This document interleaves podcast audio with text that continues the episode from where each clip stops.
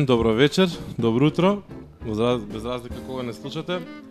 Почнува 13-та епизода на комуникација.нет подкастот. Овој пат не одиме во живо, ја снимаме малку порано, како оние предходните што ги снимавме пред да одиме во живо. Што поради обврски, што поради некои технички достатоци или недостатоци. Се едно на комуникација.нет може да не слушате кога сакате, а премиерно на radio. среда 21 часот. Тоа стално имаме ние технички проблем кога Кинџо е таму техничар. А да, имаме традиционално си ги најуваме техничарите, Кинџо, Да. Кинџо е тука со нас. Були го, нема, иначе да беше були до сега сеќи одеше ко песна. Да. Осем првите 5 минути. Осем првите 5 минути немаше да ги снима, да, али? Да. Добро, не рете малку да се опуштиме, лето е. А, сите не фаќа јанза од топлото, но мора да се работи, мора да се зборува и мора да се пешачи по улица за подобро утре. Нема да дискутираме ништо од овие теми до сега во овој подкаст, туку ќе дискутираме за некои убави работи, за некои перспективни работи. Работи кои што во еден подкаст неодамна јас ги најавив, дека ќе се случуваат и дека специјално ќе имаме гостин кога ќе дојде време за да ни објасни малку повеќе.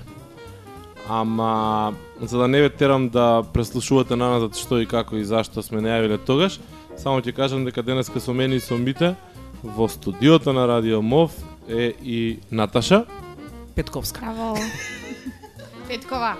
Петкова. Добро, Петко, извини. Наташа Петкова од ПСМ фондација која што не требаше да ја кажам како што сакав да ја кажам.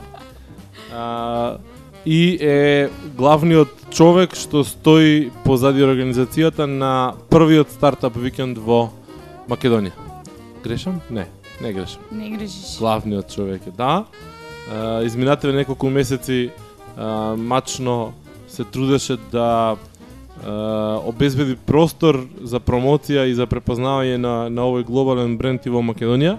А, како за почеток мислам дека а, разбовите се одвиваат задоволително, но да не бидам јас тој што ќе пресудува, особено пред настанот.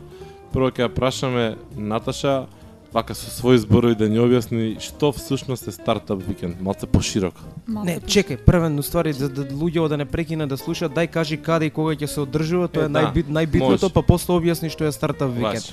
Ваш. 24 од 26 јуни на Универзитетот Фон почнуваме во 18 часот, значи во петок. Значи петок до недела без прекин. Токму така, 54 часа со мали прекини за, за дремка. Од полноќ до 9 часот наутро. Јадење ќе има? Универзално важи за сите, сите ќе спијат тогаш или може некој ако не Па ќе може ако сака некој да си работи таму, што, што значи дека јас ќе треба да останам да дежурам и да ги демнам. Добро дека се најде некој храбар и друштво ти прави, не е проблем. Не се сомневам. Ајде сега. Значи вака, а, Стартап Викенд е настан кој што е по лиценца на америчката организација Стартап Викенд од Сиетл од Вашингтон. Мислиш Американската. Американската, се извинувам. А, настанот а, се одржува од 2008 година па навака. Биле одржани повеќе од 250 настани во повеќе од 110 градови. А, има одличен успех. Минатата година 850 млади луѓе станаа кос-собственици на нови компании. Во Македонија за прв пат, значи 24 до 26 јуни на фон, ние го организираме настанот како ПСМ фондација. А, целта ни е да ги стимулираме младите да размислуваат малку предприемнички, а, да имаат повеќе надпреварувачки дух и пошироко да размислуваат. Настанот, значи, започнува во петок, презентираат идеи, имаат само 60 секунди, значи Ајде да го се објасниме овој овој оваа агенда, овој како Систем. процес, систем, да, Систем, процес, процесот. малце по детали пошто мене ми беше интересен кога го Од аплицирање до до почеток во работа во тимови. Како како се доаѓа? Така, значи првин се аплицира на skopje.startupweekend.org. Сите заинтересирани а, може да да аплицираат. Во моментов имаме а, понуда до полноќ на колектива со 77% попуст. Значи дека учеството се плаќа, колку е редовната цена, колку е нередовната цена? А, редовната цена, значи од а, 17 јуни е 4350 денари со вклучен ДДВ. А, оваа цена со 77% попуст е 999 денари. Океј.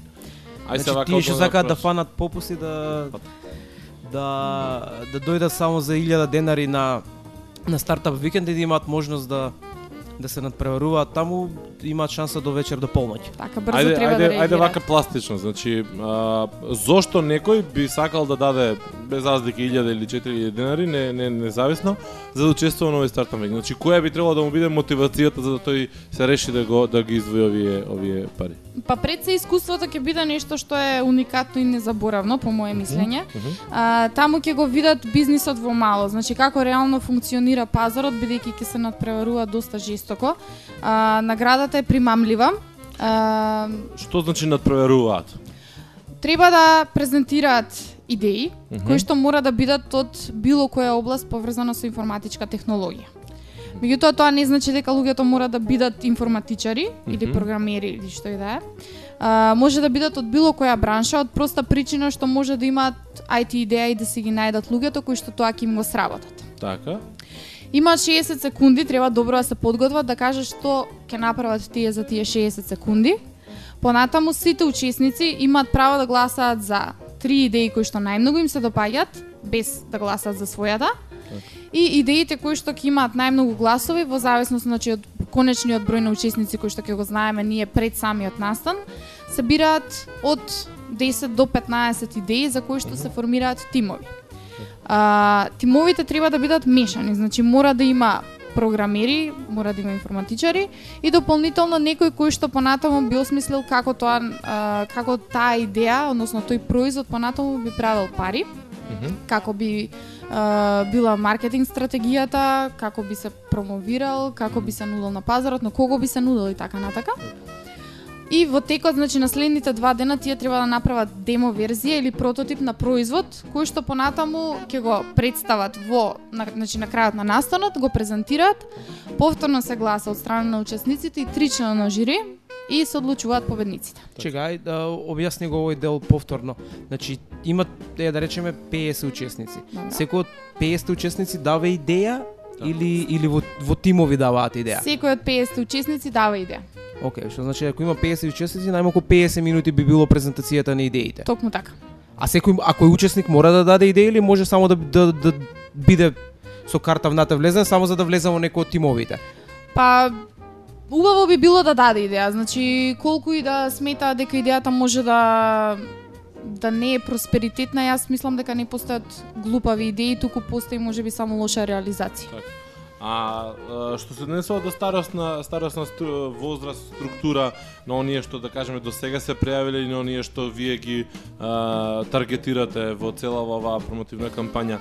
А, станува збор за исклучиво млади луѓе која е таа возраст и малце спомнати за за професијата, значи дека е IT производ, меѓутоа нормално потребни се и не IT луѓе. Како како оди тоа како а, до сега и што очекувате да се случува овој викенд?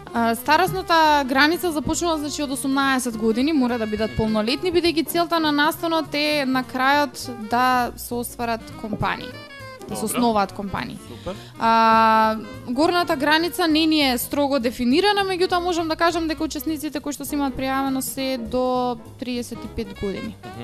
А, има голем број на студенти, има луѓе кои што немаат многу искуство во бизнисот, а, што мене посебно ми се свига заради тоа што многу имаат таму да научат. Така. А, пропуштам нешто? Од кого ќе научиш? Од кого ќе научат? Да, има а, имаме повеќе од 30 ментори. А, дел од нив се странци кои што се а, двајца се сениор експерти од Холандија, кои што ги добивме преку мрежата на на ПУМ. А, понатаму имаме професор кој што доаѓа од Грција, поранешен професор на Шефилд. И имаме двајца спикери кои што ќе одржат мотивациони говори за учесниците. Тоа се Роджер Кодри и Джоан Гилман кои што повеќе од 40 години се бават со стартап компании. Добро, значи, а, ако има толку ментори, спикери и слично, тоа значи дека а, покрај тимо, работата во тимови, а, луѓето ќе може таму да по, по, она, си ги спор, спроведуваат или тестираат идеите заедно со поискусните, меѓутоа заедно и меѓу другите тимови. Или ко- надпреварот е толку многу јак што изолирано работат тимовите. Па ќе видиме што ке, како они ќе се однесуваат таму, меѓутоа Во принцип, од она што што ми беше мене пренесено од досегашните организатори на Стартап Викенд тимовите, значи функционираат сите, се разменуваат искуство, значи функционираат како заедница повеќе. А, ке има одличен нетворкинг, значи целта е луѓето и да се запознаат. А, менторите можат да ги прашаат, значи во било кој момент што сакаат а, од областа или секако која што им е експертиза. Значи нема да бидат само странците, туку ќе има и луѓе кои што се од македонските компании, банки, универзитети и така натака. На колку што гледа, успеав да видам на сајтот, листата на ментори е навистина долга и разновидна. Значи имало и од многу различни сектори кои што за еден сеопфатен бизнес модел се секако необходни а, кога нешто треба да да се направи како што треба. Не е доволно само да знаеш да го испрограмираш, туку многу повеќе од тоа. А, те прекинав нешто? Не, само сакав да додам, значи дека менторите баш се така на осмислени да бидат од различни сектори, во секој момент да имаме луѓе кои што имаат искуство во, во информациони технологии и луѓе кои што немаат искуство, односно кои што се од друга бранша. А, значи, во секој момент ќе имаме минимум по 4 ментори. Така. Што значи дека групите постојано ќе можат да прашуваат, постојано ќе има кој ќе се грижи за нив и во текот на целиот ден во сабота и недела до моментот кога ги прават завршните презентации ќе имат од кого да научите да им постават прашања. Дали очекувате лобирање? Значи, она групи луѓе кои што сакаат нешто тимски да сработат, па го гледаат овој настан како шанса тоа да го направат онака баш на ура во 54 сати. И дали мислите дека тоа ќе се случува во првиот ден пред се кога ќе, не знам, форсираат одредена идеја можеби или ќе сакаат да бидат тие заедно во тим, си дошле си се знаат од претходно или мислите дека тоа не би се случувало? Или дали се случува на другите места нешто слично? Е, на другите места конкретни информации не знам, значи дали дали лобирале или не, меѓутоа кај нас од она што со самиот процес, значи на пријавување на на учесниците, а, ме прашуваа дали јас може да си донесам мој тим, дали јас а, има шанси да не бидам со мојот тим. Тоа е одговорот е да, во, во случај кога да речеме тимот од четворица ни, на ниту еден идејата не му биде одбрана, ќе мора да најдат значи А во некој друг тим. значи они може да си го формираат својот Во тим, спротивно така? може да. Значи, ние а, тимовите ќе се формираат спонтано. Е сега дали предходно веќе има некаков договор, меѓутоа сите останати кои што нема да да си го најдат местото во во своите тимови ќе ќе им помогнеме ние да се да се вклучат таму. А, што има од логистика таму? Значи, што ќе се случува во поглед на логистика? Преска ми те спомна јадење и нешто слично, меѓутоа сепак Мене тоа ми е битно многу јадење. Аха. Сам на празен стомах не се размислува. Да, да, Реално нормално, го нели, правам. на Балкан сме крај. На празен кривиштото. и на празен интернет нема мозок. Е, значи интернет, логистика, што што та, дали ќе има, не знам, интернет компјутери, маси, столици, посебни простори, проектори, звук, нешто што иде, што иде не треба, што иде им треба на луѓето. Значи што всушност вие ќе обезбедите таму? И најбитно од ние фотели на за на земја за лежење. Ќе имаме и такви, да. Ќе имаме и такви. Ќе ги донесеме од инкубаторот. Е, А, инаку, значи, првата што е најважна работа во однос на логистика за овој настан е дека ние мораме да имаме стабилна интернет конекција и минимум да имаме 20 мегабита.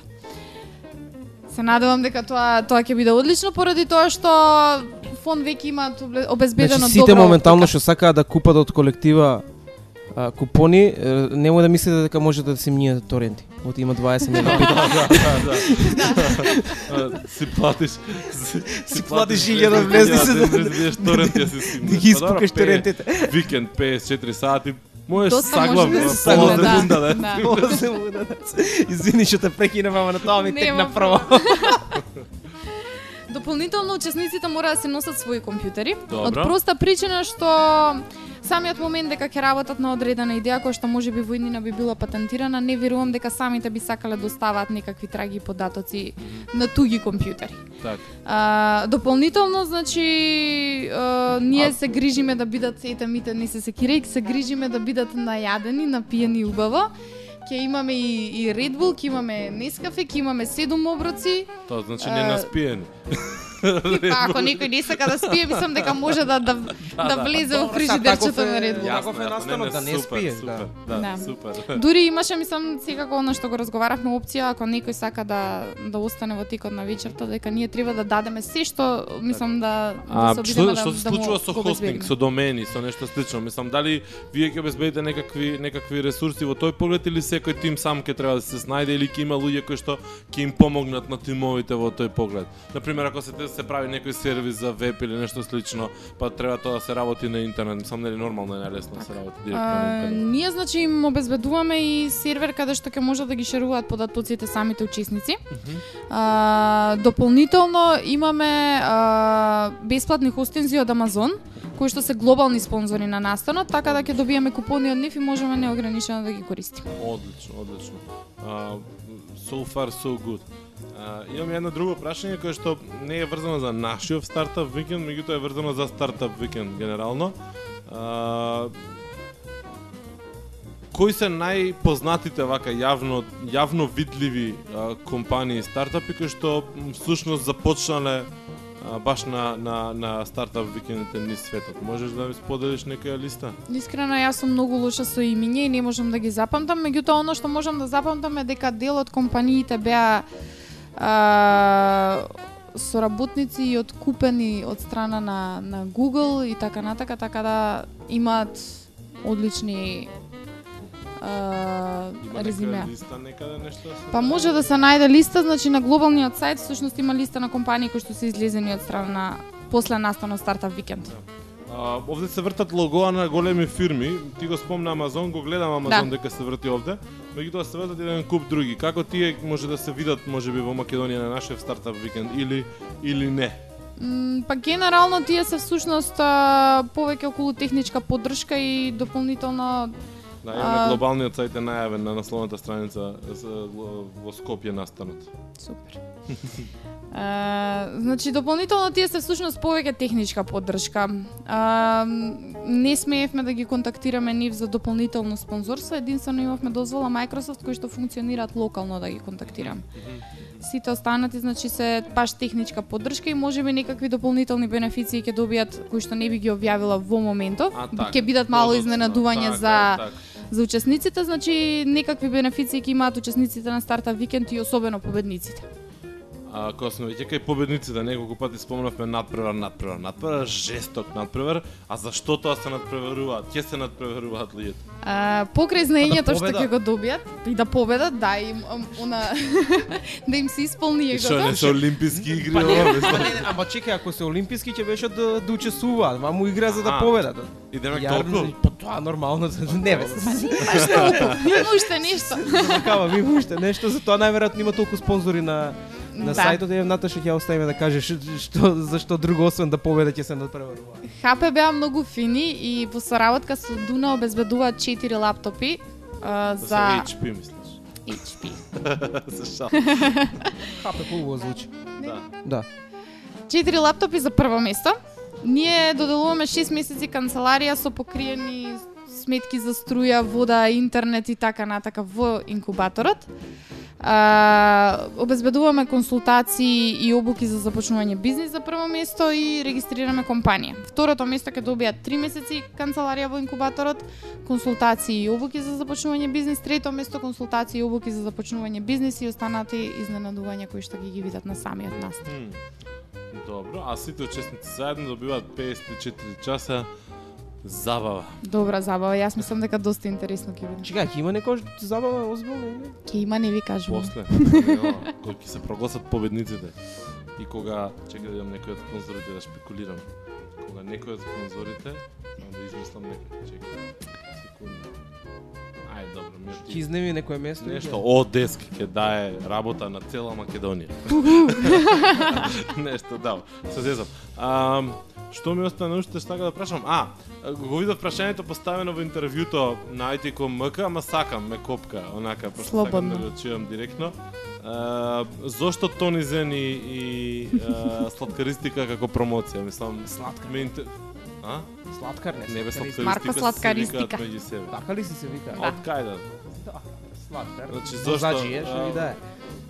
од како на идеја и, и како, мислам, ја го изгледав до пола видеото, искрено долго ми беше. Долго беше, да. Не можев да го догледам до крај, но ајде, а, објасни ни зошто. А, Туни Зени Сладкар се, по моje мислење, некаква интересна приказна во Македонија, поради тоа што си зацртале некаква цел и успеале да ја остварат. А, Тони има отворено од неодамна негов бутик кој што сакал одамна да го има. А, Сладкар сега отвори кафич во да во Ново Лисиче, се вика филм, филм кафе. Добро. А, така да беа интересна приказна дека сакале нешто да направат и успеале да го постигнат тоа. А, пеењето ќе го тргнам на страна поради тоа што Да, тоа да. е голем дел основа нели талент и така натака. Меѓутоа нивната посветеност и начинот на кој што тие всушност условно кажано се продаваат себе си е нешто што што ние мислиме дека е убаво да се презентира. Колку а, колку го гледате тој дух еве во луѓето, кај луѓето кои што ве искомуницирале, кај луѓето кои, кои пред кои што го представувате овој настан, кои што а, се обидувате да ги донесете на овој настан. Значи колку го гледате тој предприемачки дух, таа подготвеност да се а, зацрта идеја и да се бутка да дека не се оствари онака максимум, таа посветеност. Ја има ли кај кај кај младите во Македонија? Што недостасува можеби или што има повеќе од колку што треба? А, значи чест на тие што се има пријавено. А, јас сум сигурна дека има уште многу такви кај нас, меѓутоа а, искрено се разочарав од а, бројката која што јас ја очекував да биде многу поголема и дури да правиме некаква преселекција на, на, на идеите. А, меѓутоа луѓето сакаат да учествуваат, ги интересира тоа, меѓутоа повеќе сакаат да седат и да слушаат обуки, некој да им збори со часови и така натака. А, најголемиот а, најголемите комен... најчистите коментари што ги слушнав беа јас немам капацитет за нешто вакво, ова е напорно. А, јас немам идеја или а, што ако ми украдете идејата? А, вие со настанот правите пари и така натака и така натака, мислам тоа се класични коментари, луѓето се фокусираат на многу споредни работи. А, меѓутоа, мислам дека проблемот е баш во тоа дека ако учествуваат, дека си имаат зац- зацртано да мораат да победат. Значи, не е ова олимписка игра, меѓутоа битно е да се учествува поради тоа што имаат многу да научат. Добро, мислам ја како што вака ги гледаме работиве од страна, во основа ти да разработиш идејата во тие 54 сати, да најдеш луѓе со кои што можеш да размениш искуство или да го најдеш човекот што го бараш, да кажеме, за да направиш тим, а, е многу побитно отколку да го освоиш лаптопот. Мислам, затоа што во основа никој не ти вика дека ако не освоиш ти првата, втората или третата награда, треба не треба да продолжиш со твојата идеја да работиш. Напротив, дури јас мислам вака сега без не, некоја некој истражување или да прочитам конкретни податоци, верувам дека голем дел од компаниите кои што произлегле од стартап викенд и не ни биле нешто баш победници или да кажеш прославени толку многу јубилејно во самиот стартап викенд, затоа што а, секогаш верувам дека има има некои идеи кои што едноставно не може да профункционираат во 54 сати, особено кога луѓето се под притисок и кога треба всушност и покрај своите способности за развој на бизнес идеи да имаат и презентацијски способности, затоа што јас гарантирам дека во петок во во 6 часот кога ќе попладне во 18 кога ќе започне целиот настан тие 50 на минути или колку и да бидат кога ќе треба во една минута да се презентираат луѓе идеи ќе бидат онака некако полу полу смешни, полу пародија. Не, Најтешко е. во- Потајно се Да. оче, по, потајно се надевам дека нема да биде, не, јавно се надевам дека нема да биде така, меѓутоа искрено мислам дека ќе биде пола од нив дека нема да знаат ни, ни, ни да почнат да зборуваат во 60 секунди за својата идеја.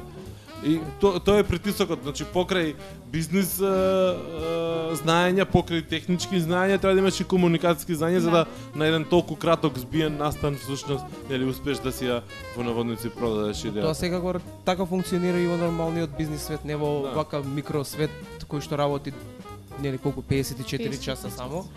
А, ако не ако немаш добри презентацијски вештини, за тоа и ни цел свет луѓе даваат огромни пари за за а, за оние што знаат како да ги научат да презентираат своја Да, од друга страна, веројатно овие 60 секунди се а, она паралела на оној elevator pitch што нели во стартап светот е доста доста битен, нели? Ако Да, се да. најдеш со Да. Најдеш со инвеститор во лифт, Во лифт. како ќе успееш ти за 60 секунди да го убедиш он да инвестира во твојата идеја. Така да а, тоа е тоа е веројатно некоја паралела.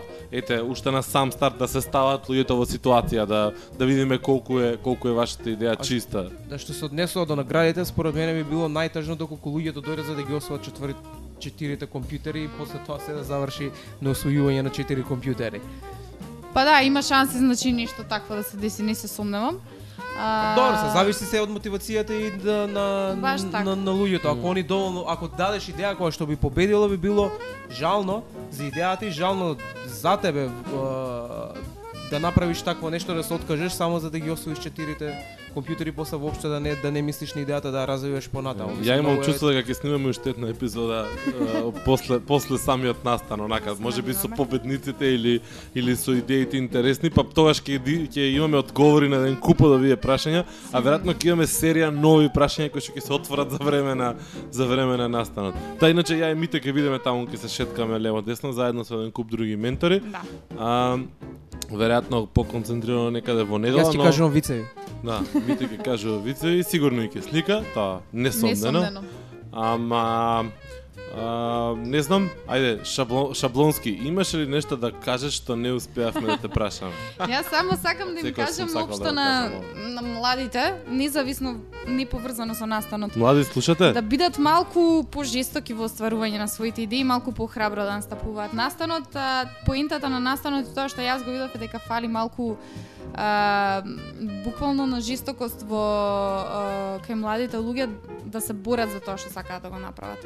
Значи, некој ќе каже имам идеја и срамежливо ќе ја каже, меѓутоа друг кој што на страствено сака да да ја оствари да да се бори, тие се тие што имаат шанси да успеат понатаму. Значи, а, има одредена група која што почна да ми пишуваат веќе на Facebook а, коментари од типот Леле нема да спиеме цел викенд.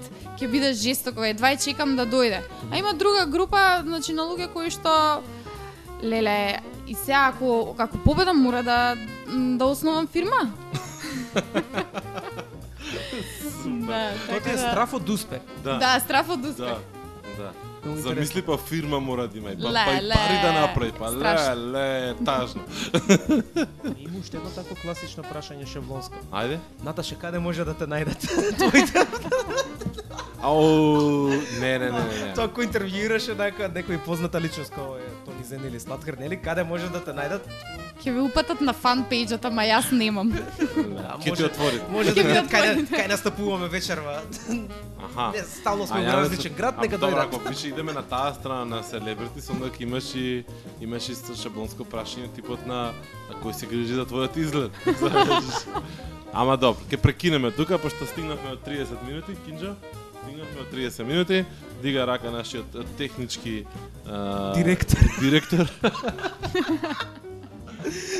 технички уредник кој што цело време ни се заканува дека не снима и кога не идеме во програма, И односно дека кога ќе не се снимаме. ќе не лупне на YouTube некој ден за да Да. ни се смеете сите вие што правиме А, ние тука пред да Ова почне беше нашата емисијата. 13-та а, јубилејна Среќна. среќна, несреќна Мене ми е среќна. На, на Мите му е среќна епизода на на комуникација.нет подкастот. А, не одеше во живо, но ќе оди многу брзо после премиерното емитување а, во среда во 21 на Радио Мов, значи после тоа многу брзо ќе оди на комуникација.нет, затоа што стартап викендот работа за која што зборувавме се случува веќе во петок попладне, а купоните на колектива завршуваат на полнок Полнок. денеска. Така да а, не чекајте. Толку од нас. Пријатна вечер. Чао, чао. Да.